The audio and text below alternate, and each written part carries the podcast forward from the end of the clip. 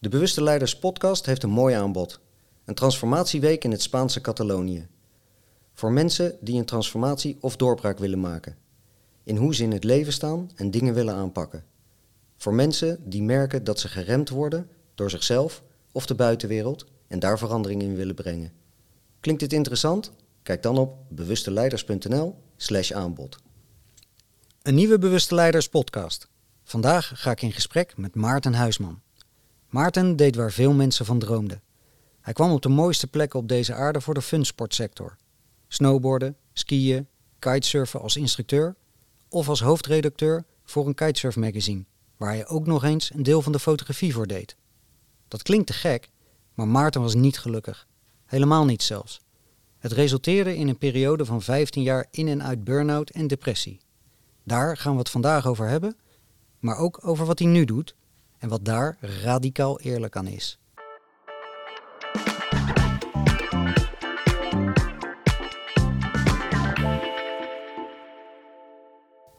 De Bewuste Leiders podcast groeit snel. Wil je helpen om het bereik te vergroten?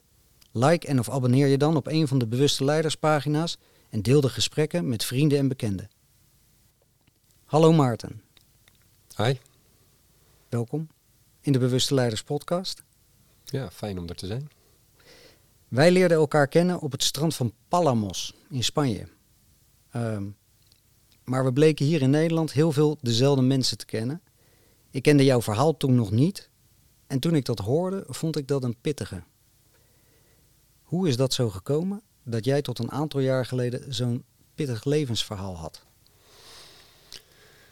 Ja. Ja, ik denk dat als ik het, meest simpele, in de meest simpele versie vertel, Mhm. eh, dat een groot deel van de basis daarvan ligt eh, op de basisschool en de middelbare school. Waar ik me ehm, stevig gepest heb gevoeld. Mhm. En ehm, daar heb ik op een gegeven moment een overlevingsmechanisme op gezet. En dat was om overal het beste in te worden. Hm. Ehm, en dat heeft goed gewerkt. Dat heeft me ook heel veel opgeleverd. Want je, je zegt net, eh, je was niet gelukkig, totaal niet gelukkig. Nou, in de bergen en op het water ben ik hartstikke gelukkig. Ja. Alleen zat er een soort van valse basis onder.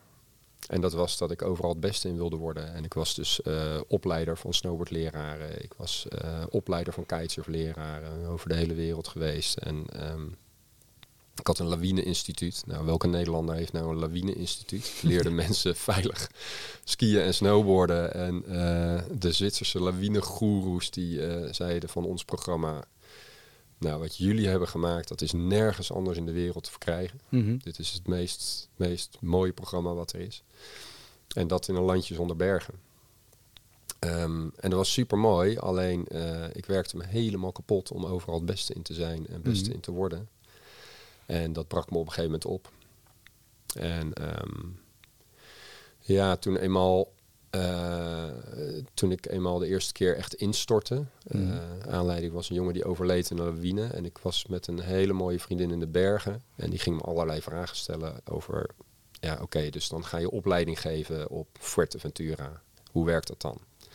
Eh, vlieg ik erheen, ga ik in een hotel, geef ik opleiding en dan vlieg ik weer terug. En, ehm, en die ging dus bevragen eh, Hmm. vanuit een eh, enorme diepe pijn van een verlies. eh, ging ze vragen stellen als, oké, maar dan kan je het dus net zo goed in Almere doen. Als je niks van het eiland ziet, niet zelf het water op gaat. dan maakt dus eigenlijk ook niet uit waar je zit en wat je doet. En ja, en toen, ging, toen ben ik echt ehm, een stuk ingegaan waar de schillen eraf vielen en ik de kern ging zien. Mhm. En, eh, en ik erachter kwam dat wat ik allemaal deed en het niveau waarop ik het deed, dat dat heel veel te maken had met eh, diepe onzekerheid en diep verdriet vanuit mijn jeugd. En waarbij ik dus eigenlijk constant de beste wilde zijn om maar niet gepakt te kunnen worden. Mhm. Eigenlijk was dat mijn hoofddrive in eerste instantie, om niet gepakt te kunnen worden. Mhm. En toen kwam ik erachter, oh, dan krijg ik complimenten omdat ik dingen zo goed doe. En die complimenten, dat zijn mijn verslaving geworden. Ja, precies. En ja, ik moest dus blijven presteren om maar complimenten te krijgen. Ja. Om het En te dat- blijven voeden. om het te blijven voeden en om, eh, ja, om boven water te blijven. En Mm. als ik eh, dus stopte met iets of het niet goed deed of eh, alles moest perfect en alles moest op het hoogste niveau. En, dus ja, ik ben gelukkig geweest Mhm. tot ik erachter kwam dat de hele onderlaag die eronder zat, dat die eigenlijk eh, helemaal niet goed in elkaar zat. Nee. En wanneer kwam je daarachter? Ongeveer? Ehm, dat is ongeveer het enige jaartal wat ik daadwerkelijk ook weet in mijn leven. Dat is 2005. Ben ik erachter gekomen. En ehm, ik heb die, eh, die jongen die overleden is, heb ik eh, toen beloofd. Ik, ik ga de rest van mijn leven zorgen dat ik voluit leef en helemaal gelukkig ben. Mhm. En dat heeft jaren geduurd voordat ik ben gaan voelen dat ik leef en dat ik gelukkig ben. Dat was makkelijker ge- gezegd of gedacht dat was dan... makkelijker gezegd dan of gedacht toegepast. dan gedaan. Ja, Ja. ja. absoluut. Oké. Ja. En hoe ging dat dan? In 2005 begon dan zeg maar de, de- dat was je eerste burn-out of dat nog niet Ja. echt? Nee, ik ben daar echt. eh, ehm, nou, ten eerste die vriendin die mij van alles ging vragen, die eh, eh, had dus alle antwoorden voor mij. Mhm. Dus ik zat in een relatie en ik, eh, het is nog steeds een fantastische vriendin van me, maar ik werd stapel verliefd op haar, want zij was de oplossing voor alles. Mhm. Ehm, wat helemaal niet zo was. En zij had helemaal niet het idee dat het de andere kant op ook ging gebeuren. Dus, maar ik, ehm, ja, we reden uit Kestaat terug in Zwitserland. Eh, ik reed uit Kestaat terug en ik wist dus, oké, ik moet mijn relatie nu gaan stoppen. Ik, eh, eh, ik moet eigenlijk alles gaan stoppen, want er klopt niks meer van mijn leven. Mhm. Ehm, en ik ben toen een tijd ingegaan dat ik echt letterlijk, ehm, ja, ik, ik, deed, ik deed van alles tegelijk. Alle, alle werkzaamheden die je opnoemde net en nog veel meer deed ik allemaal tegelijk. En ik kon niks meer. Mhm. En ik was zelfstandig, dus ik moest van alles. Eh, maar daar ging ik, nou, anderhalf uur, twee uur ging ik naar een kantoortje. En daar ging ik dan wezenloos voor me uitstaren Naar een scherm.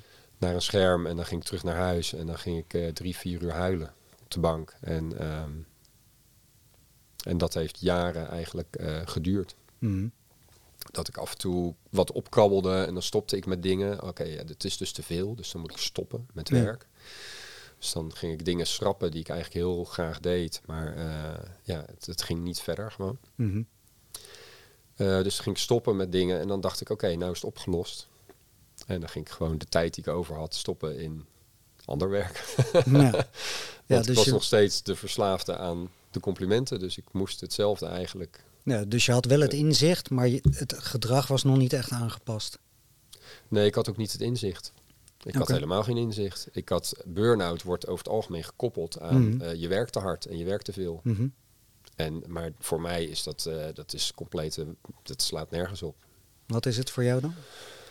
Voor, voor mij is een burn-out is, ehm, heeft heel vaak helemaal niks met werk te maken. Mhm. Ehm, heeft te maken met eh, allerlei eh, persoonlijke factoren die Mhm. ervoor zorgen dat je de werkbelasting niet meer aan kan. Precies, En, eh, ja. Aangezien we dat het grootste deel van de dag doen, is dat het eerste waar het zich in laat zien dat we, dat we, niet, Ja. dat we niet lekker in ons vel zitten. Nou ja, voor, voor mij, tenminste als ik het kort zou mogen samenvatten, dan is het, mijn definitie is een algemene overprikkeling van het systeem. Ja, En of dat nou door werk, privé of er, komt er, er zijn ja. redenen waardoor dat door gebeurt. Vette disbalans. Ja. En ehm, ja, eh, heel vaak is disbalans komt voort uiteindelijk uit eh, eh, proberen dingen te verdoven. Mhm. En daardoor niet, of proberen weg te lopen van jezelf. Ja. Ehm, want ja, als je aandacht aan jezelf gaat besteden, kom je dingen tegen die eh, wel eens pijnlijk kunnen zijn. ja.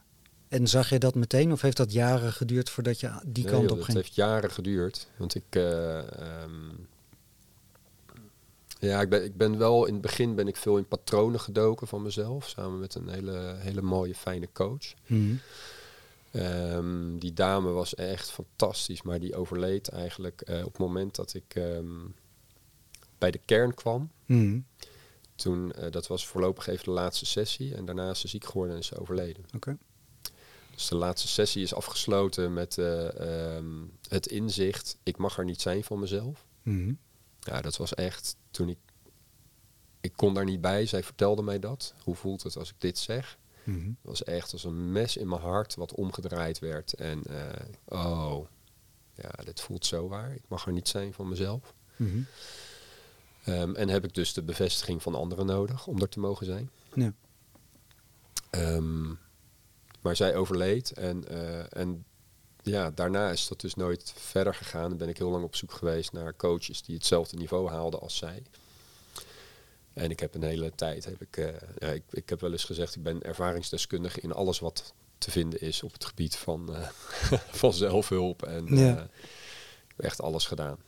Eh, Nucleustherapie, waarbij ik heb gekeken hoe het in de baarmoeder smaakte en hoe het voelde om door de eileider te rollen. En weet ik wat allemaal. Ik heb alles geprobeerd. Je hebt je werk gedaan. Ik heb mijn werk gedaan en daar kwam steeds meer inzicht bij ook. eh, waardoor ik nou vond dat ik zo goed overal in moest zijn. Ja. En toen ik dat inzicht eenmaal had, toen werd het eigenlijk nog ingewikkelder. Want dat betekende ook dat alle rollen Mhm. die ik op me had genomen. En waarvan ik ook echt voelde, oh wauw, ik ben opleider bij de Skif en ik ben opleider dit en ik ben Mhm. hoofdredder en ik ben en ik ben en ik ben. Ja, daar was ik ineens allemaal niet meer. Nee. Dat was ik al niet meer, want ik kon het al niet meer. Nee. Maar ik deed het nog wel.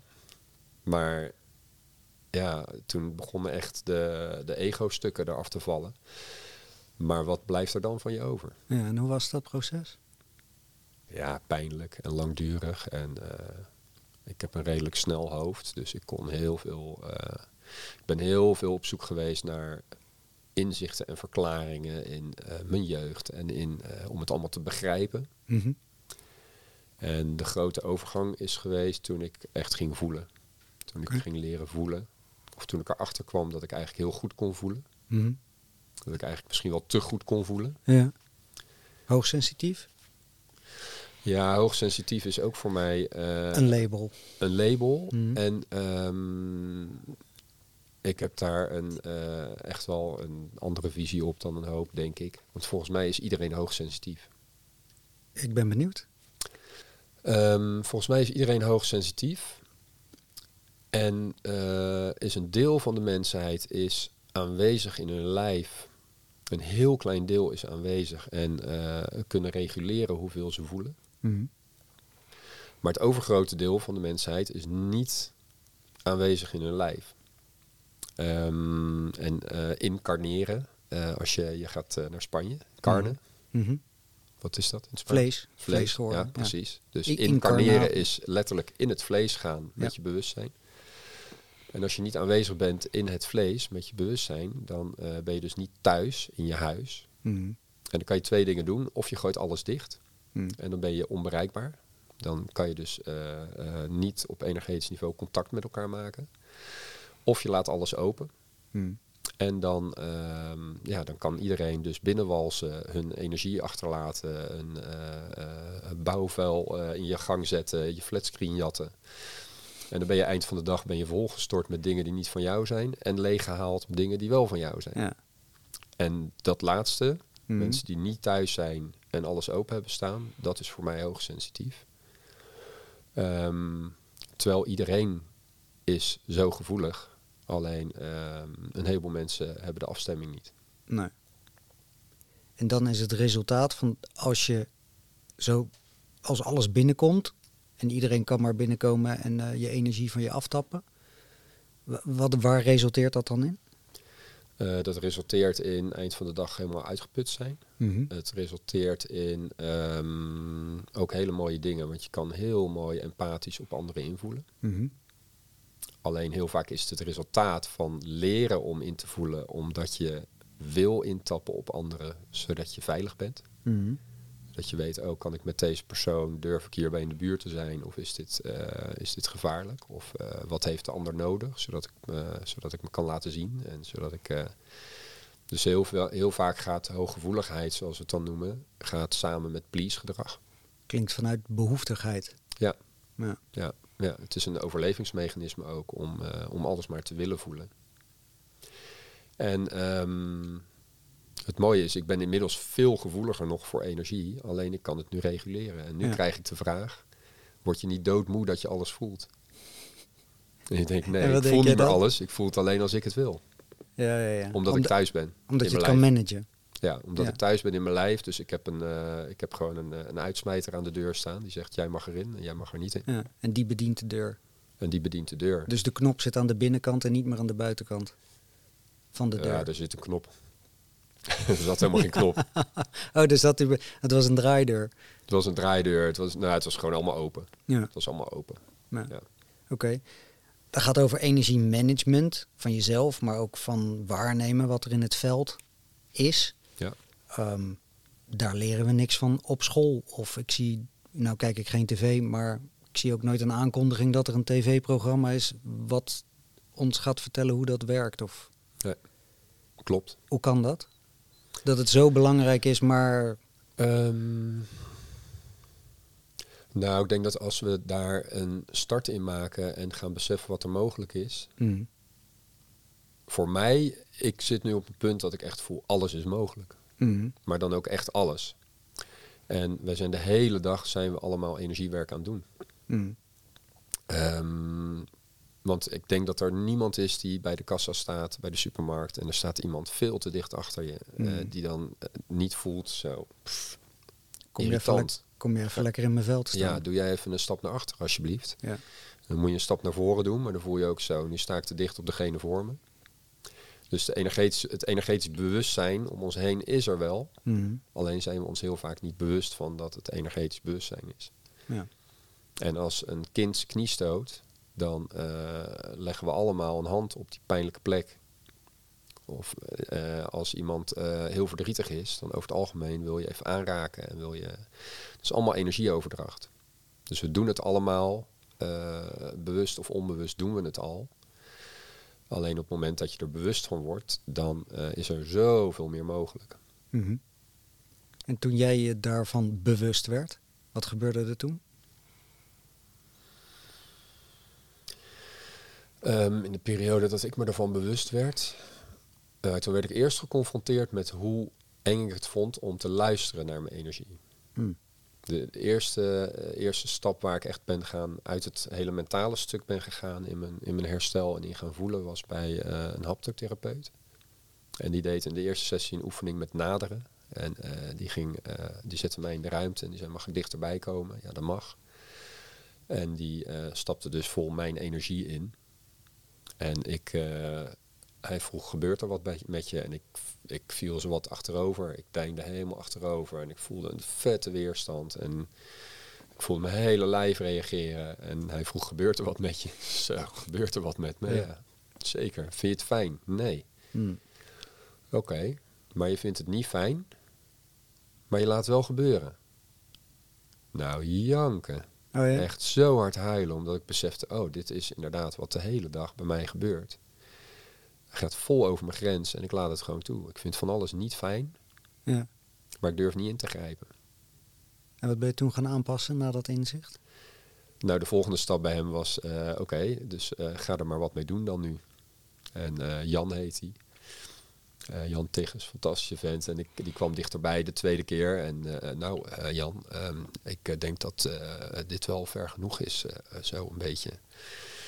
Nou ja, tegen die tijd stond hij natuurlijk alweer op mijn tenen zo ongeveer.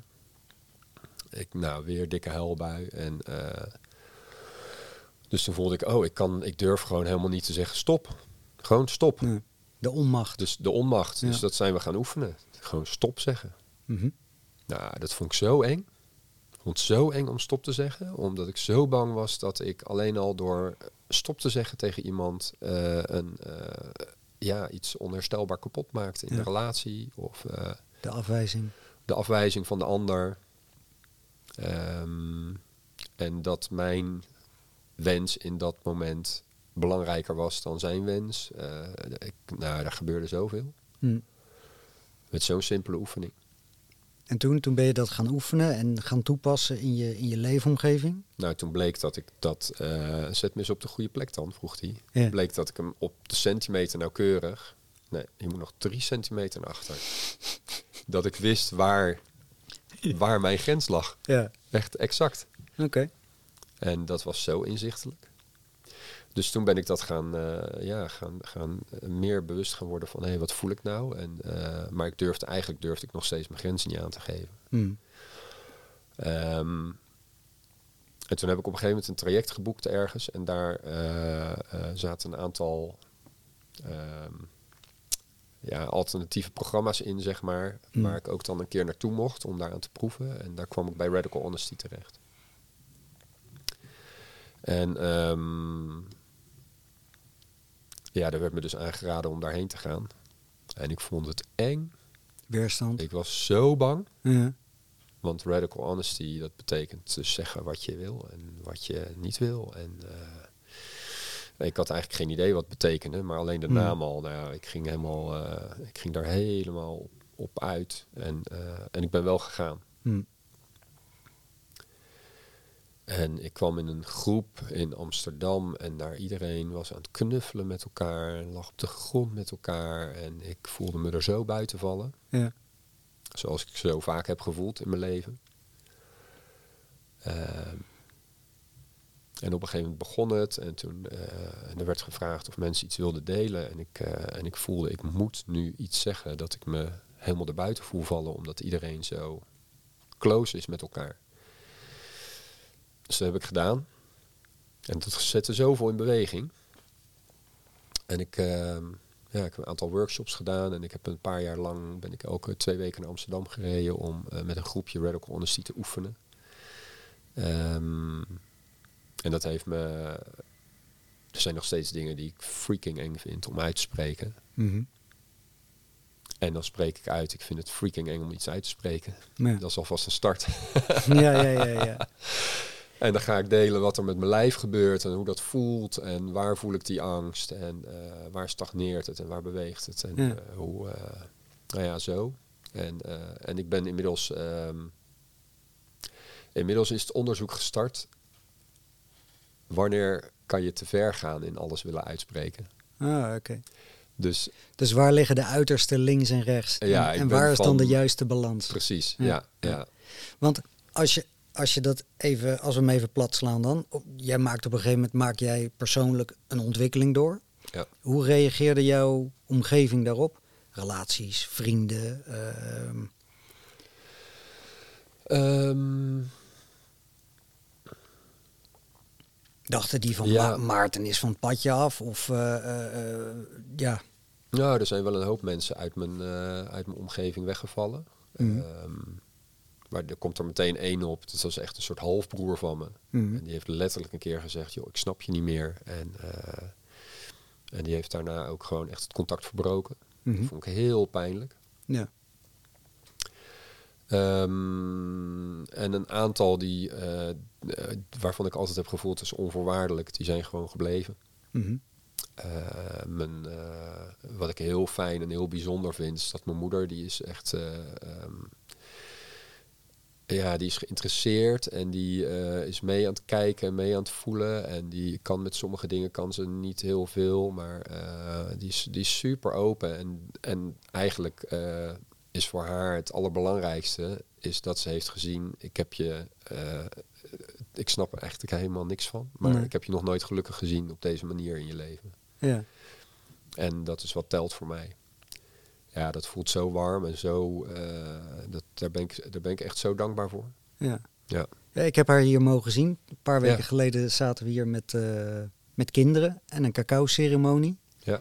Dat was, eh, was mooi en ook grappig om die, die kleine kids er zo bij te hebben. Dat is natuurlijk normaal niet. Normaal hebben we een ceremonie en dat gaat dan heel erg zo en zijn rust. En Ja. die kinderen die gaan overal dwars doorheen, dus dat krijgt een hele mooie dynamiek.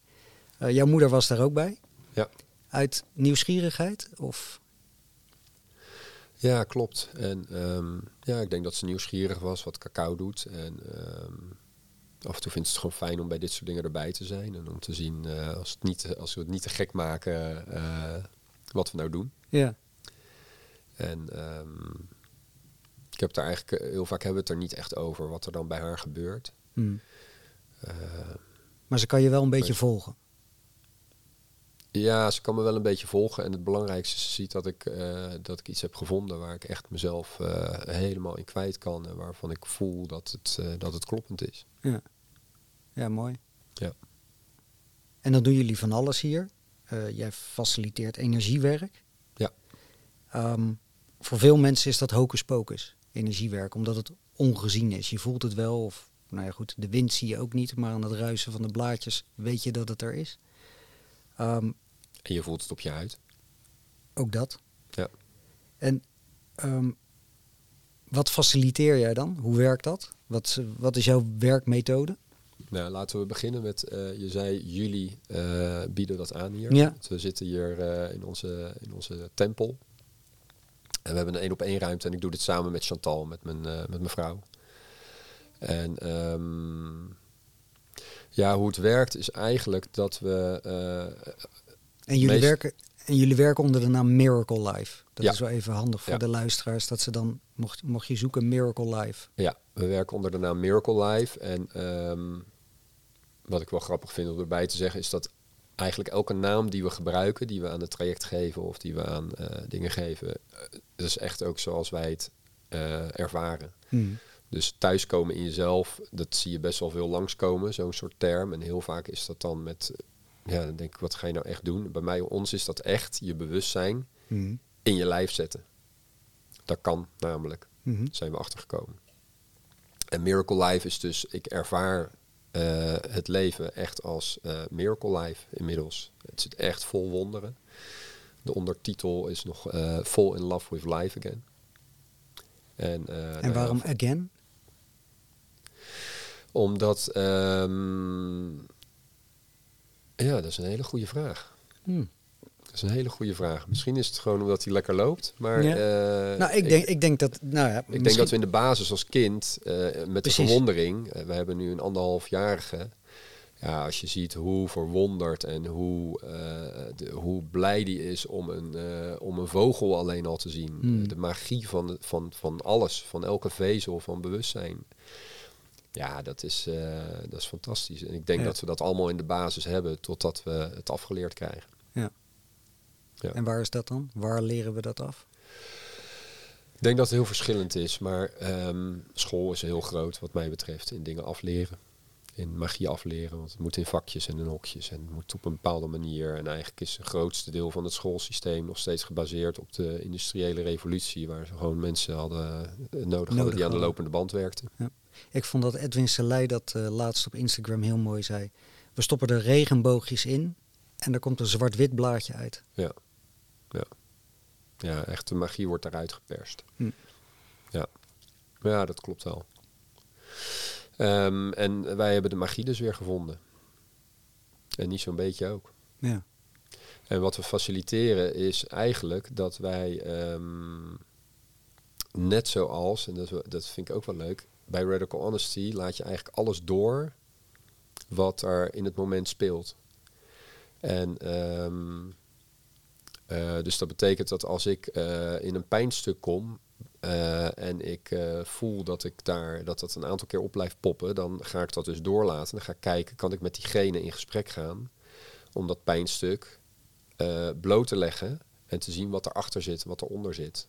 Want als je daarin gaat voelen in het lijf, dan eh, gaat je lichaam gaat, eh, vanuit celgeheugen op een gegeven moment vrijgeven wat eronder zit.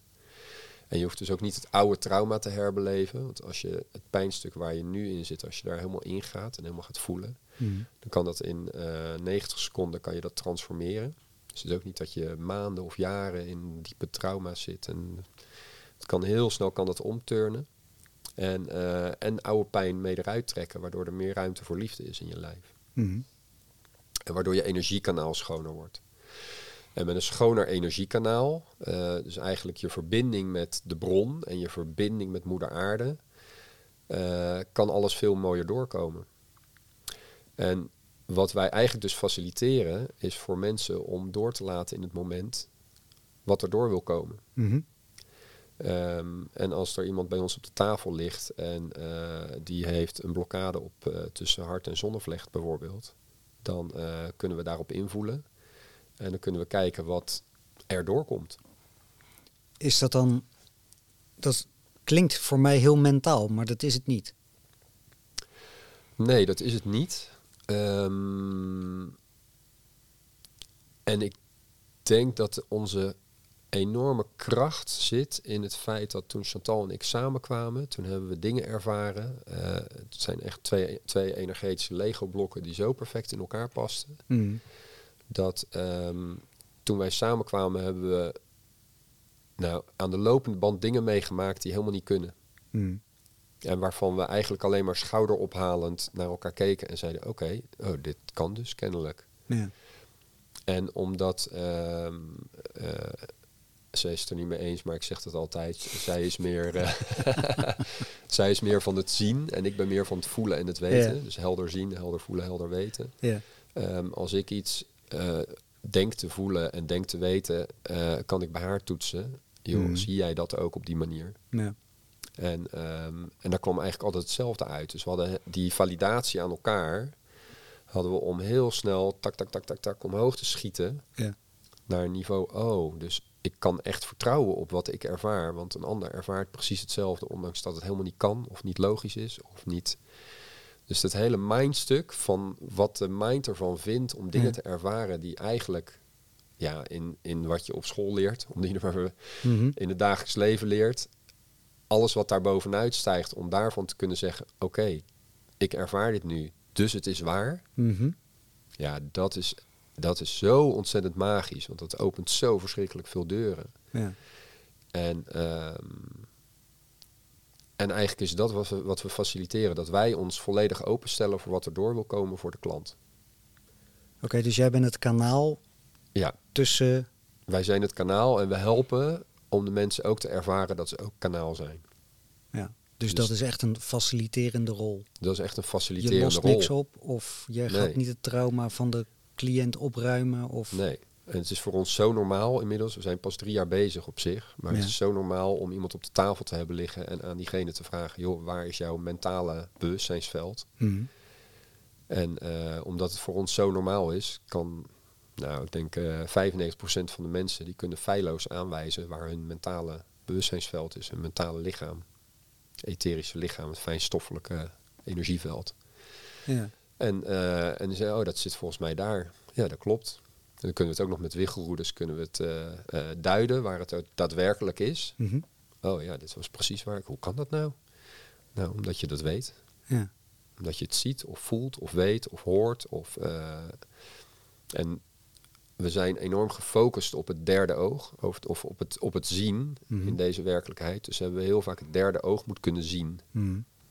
Maar iedereen heeft een andere setting waar die het beste mee ervaart. Dus ehm, ja, als het gewoon weten is en je durft te gaan geloven, hé, hey, wat ik weet klopt, Mhm. ja, dan kom je in een hele andere werkelijkheid. En moet je dan, stel ik boek bij jou een sessie en ik kom op die tafel te liggen, moet ik dan onderlegd zijn in energiewerk, hoe dat werkt of hoe, hoe of wat? Of is het dat jij de cliënt meeneemt in dat proces? Ja, het is, er is één ding wel belangrijk en dat is dat iemand open-minded is Ja. daarvoor. Als iemand op de tafel gaat liggen omdat hij meegenomen is en die zegt eigenlijk, joh, ik geloof er geen donder van. Nee. En eh, die gaat alle, in alles alleen maar zoeken eh, wat hij kan ontkrachten, dan gaat het niet werken. Nee, dan blijft de deur dicht. dan blijft de deur dicht. Maar eh, afgezien daarvan hoef je niks te weten, niks te kunnen. En ja, kun, hebben we ook veel al mannen die echt wel zeggen, ja, weet je, ik geloof er allemaal niet zo in. En die Mm. laten we dingen voelen. Mhm. Dus eh, we doen ook wel met koppels. Ik heb laatst een koppelsessie gehad. Zij is mega geopend en hij loopt daar eh, een aantal stappen achteraan. Mhm. En zegt, ja, ik voel niks en ik weet niks. En daar hebben we een eh, bepaalde oefening mee gedaan. En daar was in de eerste minuut stond hij al in tranen omdat hij voelde, oh, wacht even, maar Hmm. ik durf helemaal niet in beweging te komen alleen al. En, ik, eh, en dat heeft een half uur geduurd. En die heeft, in een half uur heeft hij meer ervaren over wat echt in zijn kern zich afspeelt dan hij in de, afge- dan hij in de rest van zijn leven heeft ervaren, Ja. ongeveer Ja. omdat hij vooral in zijn hoofd leeft. Ja. Is het niet zo dat, en dat kan van een overtuiging van mij zijn, dat ehm, de vrouw sowieso meer op het lichaam, op het voelen is afgestemd dan de man? Dat mannen, ja, wou, ik wou zeggen problemen hebben, maar dat mannen het lastiger vinden om dat voelen aan te gaan? Ehm, Of is dat projectie?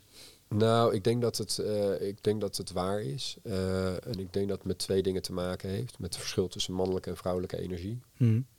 Ehm, vrouwelijke energie is meer van de doorlaten en het voelen en in flow en, eh, en afstemmen. Hoewel in de maatschappij ontzettend veel vrouwen volledig in een mannelijke energie staan. Ehm, zit dat in de basis nog steeds wel meer in de vrouw dan in de man.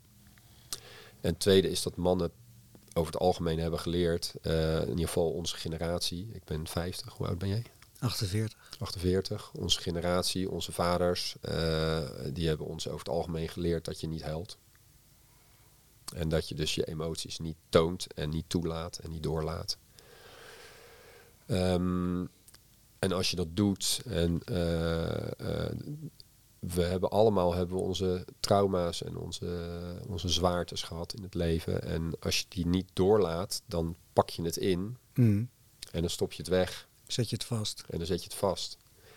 En op het moment dat het vast zit, dan, eh, dan krijg je wel triggers in het nu die eigenlijk zeggen: hé, hey, daar zit iets wat oude pijn is. Maar dat kan ook zijn van buikpijn, rugpijn, Eh, ja, oh, pijn ja, in je ja, nek. ja, ja, eh, ja. Dat, dat het zich op de fysieke laag toont. Ja. En dan gaan we daar naar kijken. Terwijl onderliggend Ja. kan er iets veel diepers zitten. Ja, klopt. Heel veel mannen van onze leeftijd die met lage rugpijn lopen. En onder in de, onder in de rug en bekkengebied, daar zit eh, je eh, bestaansrecht. Dus eh, dan heb ik het niet over het boek van Maarten, Maarten Oversier. Nee. Maar daar zit je bestaansrecht. Ehm, en ja, dat betekent dus eigenlijk dat eh, heel veel mannen, op het moment dat zij er mogen gaan zijn in het leven zonder iets te hoeven doen, zonder iets te hoeven zijn, Hm. eh, dat heel veel van die lage rugproblemen opgelost gaan worden. Hm. Dat het in beweging kan komen. Oké. Dus de, de, de fysieke klacht is eigenlijk een, een, een richtingaanwijzer dat er iets te onderzoeken is. Ja, dat is heel erg. eh, eh, de, je hebt het, eh, ik weet niet meer, de, de sleutel tot zelfbevrijding. Ja. Heel dik boek. ja. Ik weet niet meer wie het geschreven heeft, maar daar staat van ongeveer elke kwaal staat ook in waar het aan gekoppeld is. Ja. En zo zijn er een heleboel mensen die zich bezighouden met, oh, heb je daar pijn? Nou, dat, de kans is groot dat het daar en daar mee te maken heeft. Interessant. Ja. Om daar naar Ja. te kijken dan. Dus mocht je nu een fysieke klacht hebben, wat zit eronder? Ja. ja. Je had het net al over radical honesty. Ja. Ehm, je hebt al een klein beetje uitge- uitgelegd of toegelicht. Wat is het en waar helpt het bij? Want ik zei in de intro radicaal eerlijk. Ja. Nou hebben wij ehm, ook een soort sessie daarin gedaan of een soort gesprek. Ja.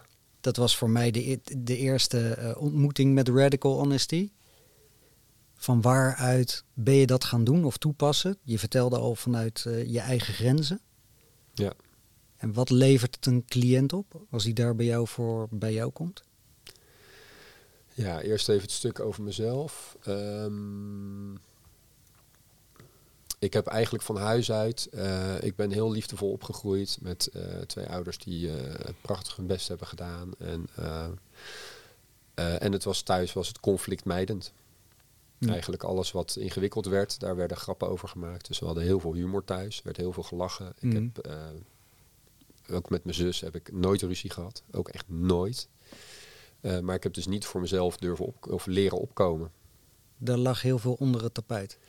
Er lag heel veel onder het tapijt. En, ehm, eh, en daarbij is een van mijn hoofdthema's is dat ik heel erg bang ben om schuld te maken.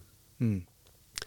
En op het moment dat ik voor mezelf opkom, dan eh, is dat eh, voor mij is dat, oh, dan maak ik schuld bij een ander. Ehm, en als ik terug ga naar mijn, naar mijn basisschool, dan eh, weet ik dat mijn moeder vertelde dat ze, eh, vroeger, eh, ik werd dan niet genoeg beschermd door de school, zeg maar. Dan kwam ik bont en blauw thuis en dan zei ze, sla er dan gewoon eentje op zijn neus, want je bent de grootste. En dan, dan is het opgelost. En dan was mijn antwoord, ja, maar dan doe ik hem straks pijn. Hmm. Dus toen kwam ik helemaal uit elkaar getrapt, kwam ik thuis. en dan was dat mijn antwoord. Ja. Ehm, dus daar zit een hele grote angst om schade bij een ander te veroorzaken. En eh, Radical Honesty heeft me een manier geleerd en heeft me het inzicht gegeven dat als ik voor mezelf opkom op een zuivere manier, Mhm. dat het juist enorm verbindend kan zijn. Dus wat over het algemeen gebeurt als we naar ehm, conflicten kijken, is dat mensen hun pijn naar de ander toe willen flikkeren. Mhm. En zeggen, oké, ik heb nu pijn, Ja. eh, want jij hebt iets gedaan of gezegd of weet ik veel wat. Ik heb nu pijn Mhm. en nou wil ik dat jij net zoveel pijn hebt als ik of meer. Mhm. Dan is het bij mij minder. Want dan is het weer of in balans. Ja, of dan is het in balans. Ja. Ja. Ja. dus de balans moet hersteld worden. Dus eh, nou vind ik jou ook een klootzak en nou weet ik veel wat. En, Ja, omdat en ik boos nog, ben, drie jaar jij geleden deed jij ook Precies. dat. En, dus je moet niet zeiken nu. En, maar dat lost allemaal helemaal niks op. Het enige wat het doet is verwijdering geven eigenlijk. Mhm. En in de radical honesty is de eerste stap, is, nou sowieso is de allereerste stap, is dat je volledig eerlijk naar jezelf gaat kijken. In hoeverre dat kan, want we hebben allemaal blind spots, maar zo zuiver mogelijk naar jezelf kan kijken. Hé, hey, ik ga hierop aan. Mhm. Überhaupt de constatering, ik word hierdoor getriggerd, in positieve of in negatieve zin. En mag ik hierdoor getriggerd worden? Nou, dat is al voor heel veel mensen echt freaking eng. Mhm. En dan is de volgende stap, wat ga ik daarmee doen? Ga ik dat wegstoppen? Mhm. Of ga ik, eh, of ga ik het uiten? Ehm, en Radical Honesty heeft me geleerd sowieso dat je eh, je kan uiten, dat je je grenzen kan aangeven op een manier waarop het juist verbindend is in plaats van eh, verwijderend in de relatie.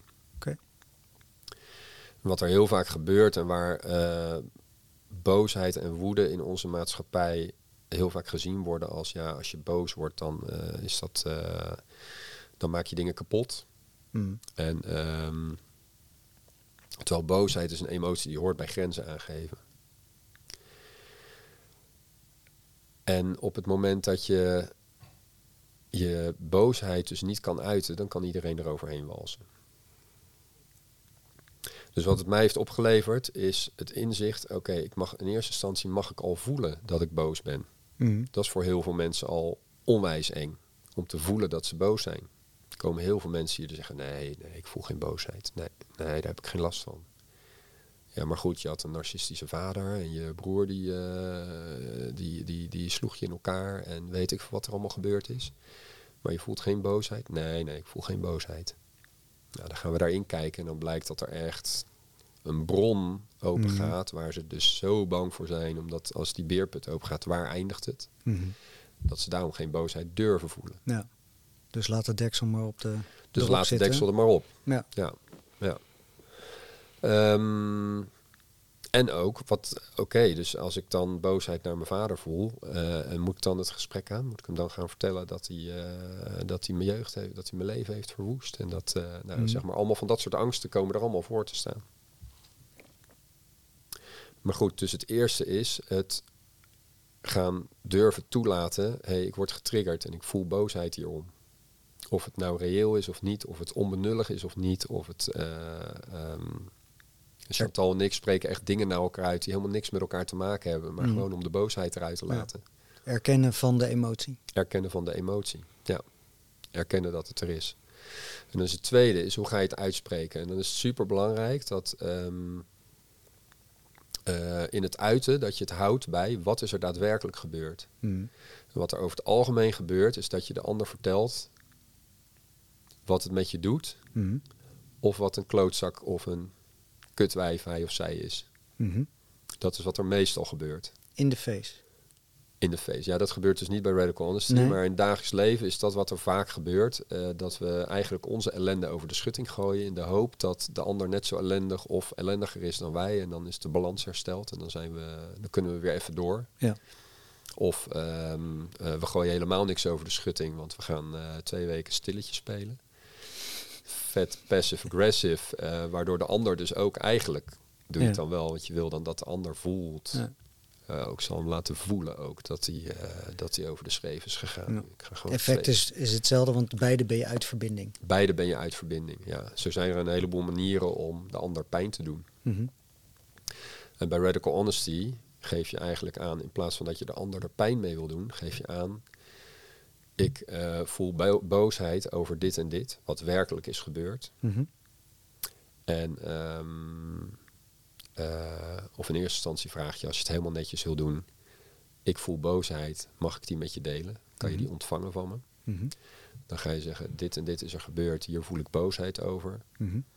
En dit is wat het doet in mijn lijf. En dit is het verhaal wat ik erbij heb. Eh, en het splitsen van wat werkelijk is gebeurd, wat je voelt in je lijf en wat het verhaal is wat je erbij hebt, dat is essentieel. Want wat er werkelijk is gebeurd, daar is geen discussie over mogelijk. Mhm. Wat je voelt in je lijf, daar is geen discussie over mogelijk. En wat het verhaal is wat je er zelf bij hebt, daar is geen discussie over mogelijk. Hm. Dus je komt nooit in een wel eens niet een spelletje. En ehm, je komt eigenlijk alleen maar in het aangeven bij de ander, hé, hey, wat jij deed, doet iets bij mij. En ik wil dat graag voelen. Mhm. En als het iets bij jou doet, dat ik dat uitspreek, dan wil ik graag dat jij dat voelt bij jezelf. En dan own je Ja. alles wat van jou is. En dan vraag je de ander te ownen alles wat van hem of haar is. Maar dat vraagt ook iets van de ontvanger. Dat vraagt iets van de ontvanger, ja. Die moet dat ook wel kunnen ontvangen. Klopt. En hoe gaat dat dan? ehm, nou, Dat heeft voorbereiding nodig. ja. Ja, dus onze tweede ontmoeting was via de telefoon. Omdat er eh, ja, bij mij iets op bleef borrelen waarvan ik voelde... "Wah, Daar moet ik wat mee. daar moet ik wat mee. Even voor de context. Ik had iets op social media gezet wat bij jou binnenkwam. Ja, er kwam iets op social media inderdaad waarvan ik voelde... Oh, pff, dat raakt bij mij. Mhm. En, ehm, en ik heb jou toen eh, eerst via een app gevraagd, joh, eh, ik wil daar iets mee. En zonder op de inhoud te gaan, want dan wordt het al via de app ingewikkeld. Mhm. Ja, dat is bijna niet over te brengen Nee. via de app. Dus jij zei toen, ik snap er geen donder van, maar laten we bellen. Ja, precies. ja, toen heb ik het nog een keer uitgelegd, wat, eh, waar, eh, het pad wat ik wilde bewandelen met je. En ik heb eh, uitgesproken wat ik uit te spreken had. Ik heb diep gevoeld wat ik erbij voelde. Er Mhm. kwamen dikke tranen bij. En, ehm, ehm, en het verhaal wat ik erbij had. En het verhaal wat boven kwam ging over onrecht. En dat is een oud verhaal van mij. Mhm. Wat af en toe vet aangeraakt wordt. Ja. En waarvan ik het heel fijn vind als ik daarin mag schoonmaken. En, eh, en jij kon hem heel mooi ontvangen. Mhm. En dat heeft te maken met de voorbereiding, denk ik. En ook met waar jij in je proces staat. Maar dat was helend. Dat was voor mij heel helend. Ja. En het was verbindend. En het was dusdanig verbindend dat we hier nu zitten. Dat wij hier nu zitten, ja. Ja, Heel mooi. Ja. Want ik, ehm, nou daar wil ik best open over zijn. Ehm, wij hadden het er eerder over. Jij was een van de eerste die reageerde toen ik hier eh, mee ging beginnen, ergens in april of zo. Eh, gooide ik dit eh, het universum in. Toen gooide ik dit de wereld in dat ik hiermee ging beginnen. En toen reageerde jij op die post. En toen ehm, zouden wij contact hebben. En dat was er niet. En ik voelde een bepaalde weerstand daarop. En die hebben we naar elkaar uitgesproken. En dat was ook verklarend. Ik vond het gewoon spannend dat jij zo direct was. Ja. En dat heb jij toen ook in een Facebook-post uitgelegd. Dat je dat een heel mooi compliment vond. Eh, dat je nu zo direct was, omdat je altijd ja, conflictmijdend niet direct was. ja of zelf pleasend. Ja. Ik was echt een pleaser. Dus ik vond hoe dat, hoe dat bij ons beiden werkte, eh, ja, vond ik super interessant. Dus vandaar dat ik het ook interessant vond om met jou deze podcast te gaan opnemen. Want Ja. er is zoveel meer. En het onderzoeken van bepaalde ja, systemen of werkmethodes. Want dat is eigenlijk toch wat het is? Ja, het is een, het is een tool. Ja. Het is, eh, ehm, het is een tool. Ik heb er een beetje mijn kerk van gemaakt op een gegeven moment. Eh, en eh, dat is dus het onderzoek van de laatste tijd. Hoe ver ben ik nou constant een schroevendraaier aan het gebruiken om een spijker in de muur te slaan? Ehm, dus dat is ook wel het is een valkuil van een heleboel tools natuurlijk. Mhm. Dat mensen echt helemaal daarnaar gaan leven, volledig. En ik, eh, ik ben daarop gewezen door een van, eh, van de deelnemers aan. eh, we bieden het aan in groepsvorm in Own Your Shift, heet het. Mhm. Met de F tussen haakjes. Own. Your Shit. Own Your Shit, Own Your Shift. Ehm, ja, en ik vond het heel... Het was ook weer confronterend voor mij. Mhm. Want eigenlijk werd er dus gezegd, eh, ja, we zijn het eh er niet helemaal mee eens. Eh, en volgens mij kan je er op een andere manier naar kijken. Dus die mocht ik weer ownen, het gevoel wat dat opriep. En Ja. daar kwam ook weer uit, oh ja, ja, Misschien mag ik daar ook wel wat, ehm, wat zachter in zijn naar mezelf. Ik kan af en toe heel masochistisch kan ik er, kan ik er ingaan. Dan voelen, oh, ik voel... of ehm, ik voel me aangetrokken tot iemand. Of ik voel waardering. Of ik voel Mhm. boosheid. Of ik voel angst. En het moet, geuit, het moet geuit worden. Mhm. Nou ja, dat hoeft natuurlijk niet altijd. En het Mm. is soms ook helemaal niet dienend. Mhm. Dus daar ben ik nu weer een beetje een nieuwe weg in aan het zoeken. Ja. Om dat met wat, wat meer zachtheid te doen. Maar het is wel een tool voor mij die in het hele proces waar we mee starten, van burn-outs en depressie, en die denk ik het, mm, een van de meest transformatieve delen is geweest van mijn reis. Oh, mooi. Omdat Ja. ik voor mezelf ben gaan staan. Ja. En omdat ik mezelf toestemming ben gaan geven om te voelen wat ik te voelen had, te uiten wat ik te uiten had en door te laten wat, wat er is in het moment. Mooi. En daar is helemaal niks soft of pussy-achtig aan. Dit stuk is, Ja.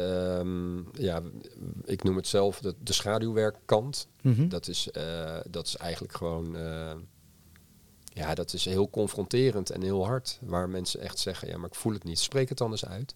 Mhm. Dan blijkt dat ze het helemaal niet kunnen uitspreken. Nee. Want wat is dan de, eh, ja, de schaduwkant? Schaduwwerk? Waarom is dat belangrijk? Ehm, omdat we, er is geen mens volgens mij die zonder schaduw rondloopt. En ehm, Wat is schaduw voor jou? Heb je een paar schaduw voorbeelden? voor mij is ehm, dat, we, eh, dat we allemaal rondlopen met boosheid, met angsten. Met, eh, en eh, een heleboel mensen kunnen dat nog niet zo goed ervaren, omdat ze methodes hebben gevonden om daaromheen te werken. Dus Verslaving. Ja, Social, dat zijn drank, eigenlijk zijn seks, het altijd drugs. verslavingen. En Ja. al- volgens mij zijn alle verslavingen, eh, daar hoef je niet te kijken naar eh, hoe kom je van die drugs af, maar eh, wat is de driver om jezelf te verdoven. Ja.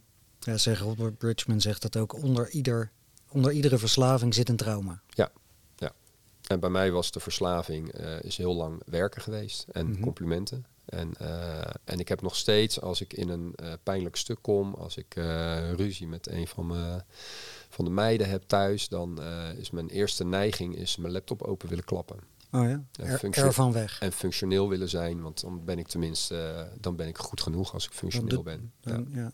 Ja. dan doe je ertoe. dan doe ik ertoe. Ja, Hm. ja dus ehm, ja, voor heel veel mensen gebruiken eh, van alles om niet te hoeven voelen. Mhm.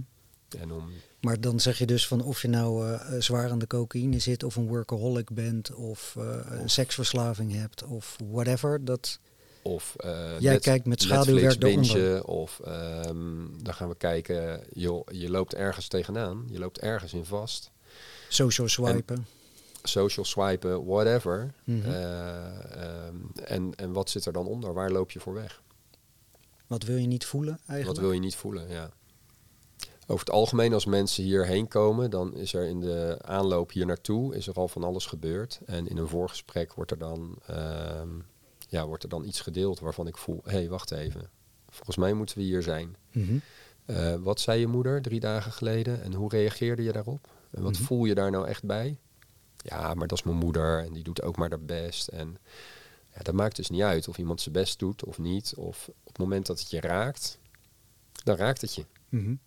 En dat, is, dat haakt in iets, wat, in iets wat ouder is en pijnlijk en vervelend. Eh, hoe onbenullig het ook in het moment lijkt, kan het heel veel naar boven halen. En ik gebruik vaak eh, het voorbeeld van het schuursponsje in het, eh, of van het sponsje in het aanrecht. Mhm. Ehm, ik vind het echt verschrikkelijk als mensen nat, nat doekie in, het, in de wasbak laten liggen. Dat vind ik Ja. echt verschrikkelijk. Ja. Ehm, Vooral als jij hem eruit mag vissen. vooral als ik hem eruit mag vissen, dat voelt dus als onrecht dat ik dan andermans shit moet opruimen. Mhm. Ehm, en eh, eh, het komt voor dat je in een relatie zit waar dat dagelijks gebeurt. Mhm. En dan word je dus dagelijks daarmee geconfronteerd. Mhm. Dan kan je zeggen, nou, ik ga daar niks over zeggen, want het is maar een doekje in het aanrecht, weet je, boeien. Mhm. En eigenlijk is dat ook zo. Mhm.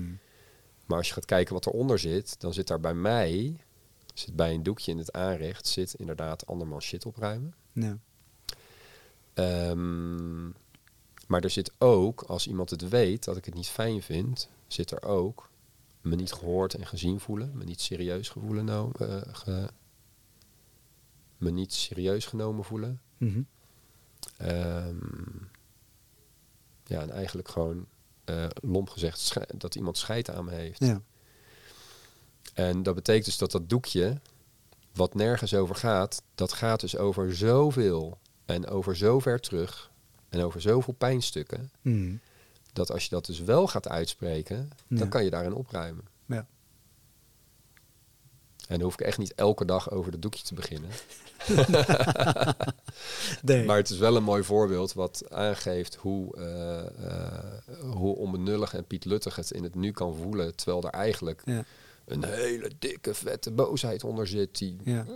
Dikke vette knoop. Ja, gehoord en gezien wil worden. precies. En als je die toelaat, dan kan het bijna zo zijn dat, er een, dat, dat je soort van overgenomen wordt in de woede. Mhm. En ja, dat is allemaal schaduwkant. Ja. Hebben we dat dan als mensen aan te kijken? Of wat, hoe kan ons dit helpen, zeg maar? Veel, veel meer mensen dan vroeger zijn hiermee Ja. bezig. Ja, jij en Ja. ik wisten tien jaar geleden hier nog... Ja, ik wist er niks van. Ehm, sinds ik er persoonlijk mee aan de slag ben gegaan... is mijn leven in ieder geval een stuk lichter en, en, en prettiger geworden. Ja. Hoe, En hoe, maar hoe is dat lichter en prettiger geworden? omdat ik die, die pijnstukken, dus mijn eigen trauma's, ben gaan aankijken. Ik en wat ben is dus, daar dan mee gebeurd met die trauma's? Die heb ik getransformeerd. In? Eh, licht en liefde. Ja, Dus precies. dat het meer is gaan stromen, dat er meer ruimte is gekomen. Ik Ja. ben aan gaan kijken, wat, wat zijn nou mijn triggers en wat zit er dan onder?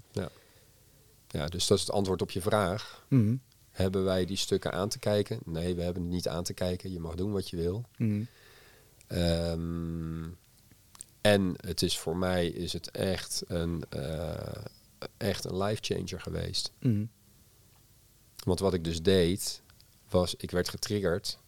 En mhm. dan ging mijn computer open. Mhm. En dan was ik boos op mezelf dat ik niet voor mezelf zorgde. Want ik had Walter beloofd toen hij omkwam in een lawine dat ik voluit ging leven en Mhm. minder ging werken. En dan was ik dus boos, werd ik nog meer getriggerd, ging nog harder werken. Ik zat gewoon elke nacht tot vier uur zat ik mezelf half dood te werken. Ja. En nu? Hoe is je leven nu? En nu zit ik elke nacht tot vier uur te proberen kinderen in slaap te krijgen. En, eh, dus het is eigenlijk helemaal niet beter geworden. Nee, nee, nee. nee. Nee. Nou ja, ik, er zijn een aantal dingen waar ik, eh, waar ik nog steeds niet, eh, waar, ik, waar ik heel graag wat aan zou willen doen. Ja? En eh, dat is dat ik, ik vind dat ik veel meer zou kunnen sporten. Mhm. Tijd voor mezelf zou kunnen pakken. En, Hmm. ehm, en voor mezelf kiezen betekent niet voor mijn gezin kiezen. En dat vind ik dus nog steeds eng. Mhm. Ja, maar goed, ze- zeker bij een kleintje Ja, van anderhalf, dat is gewoon nog hard werken, want die gaan alle kanten op. die gaan alle kanten op. En als ik het niet doe, dat betekent dus dat Chantal het moet doen. Mhm. En ehm, Ja, goed afspraken maken. ja, ja, ja, en we hebben een bedrijf op te zetten. Mhm. En eh, dus eh, ja, ik, het, het is nog steeds wel een puzzel. Alleen ehm, ik zit heel anders in mijn energie. Mhm. Ik sta heel anders in de wedstrijd. Eh, ik, ehm, ja, ik kan, Kan je nu meer genieten? Dan ik kan enorm genieten. En weet je wat zo mooi is? Ik, als je een van de magische dingen ook van Radical Honesty Mhm. is dat als je leert hoe je pijn en verdriet en eh, negatieve triggers door kan laten, dan kan je het dus doorvoelen in 90 seconden eruit laten. En dan kan je door en dan is het opgelost en is er weer ruimte voor nieuw. Mhm. En voor meer liefde in je lijf. Maar je kan hetzelfde met liefde doen. Want ik kan letterlijk, we zijn nu bijna vier jaar samen, Chantal en ik. Mhm. Ik kan letterlijk tien keer per dag stapel verliefd op te zijn. Mhm. En dat is omdat ik niet, oh ik voel nu liefde, nu wil ik eraan vasthouden. Mhm. Oh, ik voel nu zoveel liefde. Ik wil het helemaal voelen in elke diepte. Mhm. En dan net zoals verdriet wil ik het ook weer loslaten. En dan gaan we dagelijkse dingetjes. Weer door. Ja. En dan is er een ander moment. En dan voel ik, jezus, wat een fantastische vrouw ben jij. Hé. En dan kan ik er weer helemaal invallen. En dan ook uitspreken. En voelen Ja. wat het doet in mijn lijf. En, en dat met Chantal, met kinderen, maar ook met klanten. Dan kan ik ook, ik ben denk ik daar misschien een beetje eh, raar in misschien. Maar ik kan klanten die ik voor het eerst op de tafel heb. eh, Hmm. Een vent van 60 die voor het eerst aan voelen is. En waar ik mee bezig ben. En daar ga ik helemaal, gaat mijn hart open. En dan maak ik verbinding. Mhm. En dan kan ik echt voelen, oh, wat hou ik veel van jou. Mhm. En dat spreek ik dan ook uit. Oké. Dan zitten we allebei te huilen. Dus Ja, dat, dat brengt is- echt iets op gang dan. Ja, dat brengt echt iets op gang. Ah, Ja.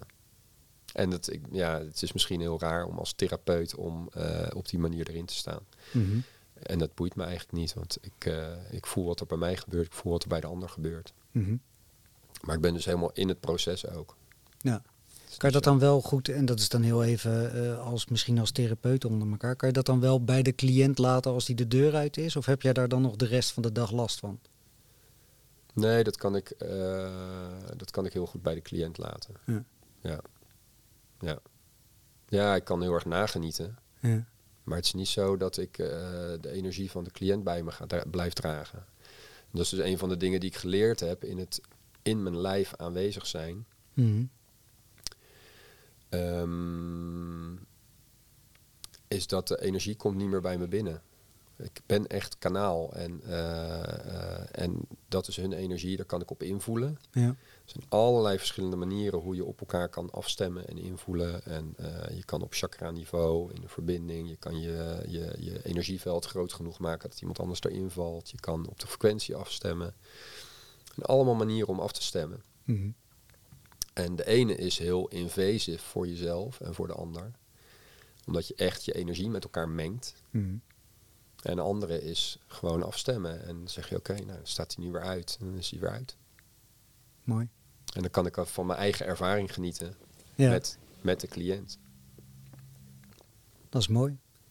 Lijkt me ook Ja. een mooie afsluiter. Want daarmee Ja. sluiten we hem af.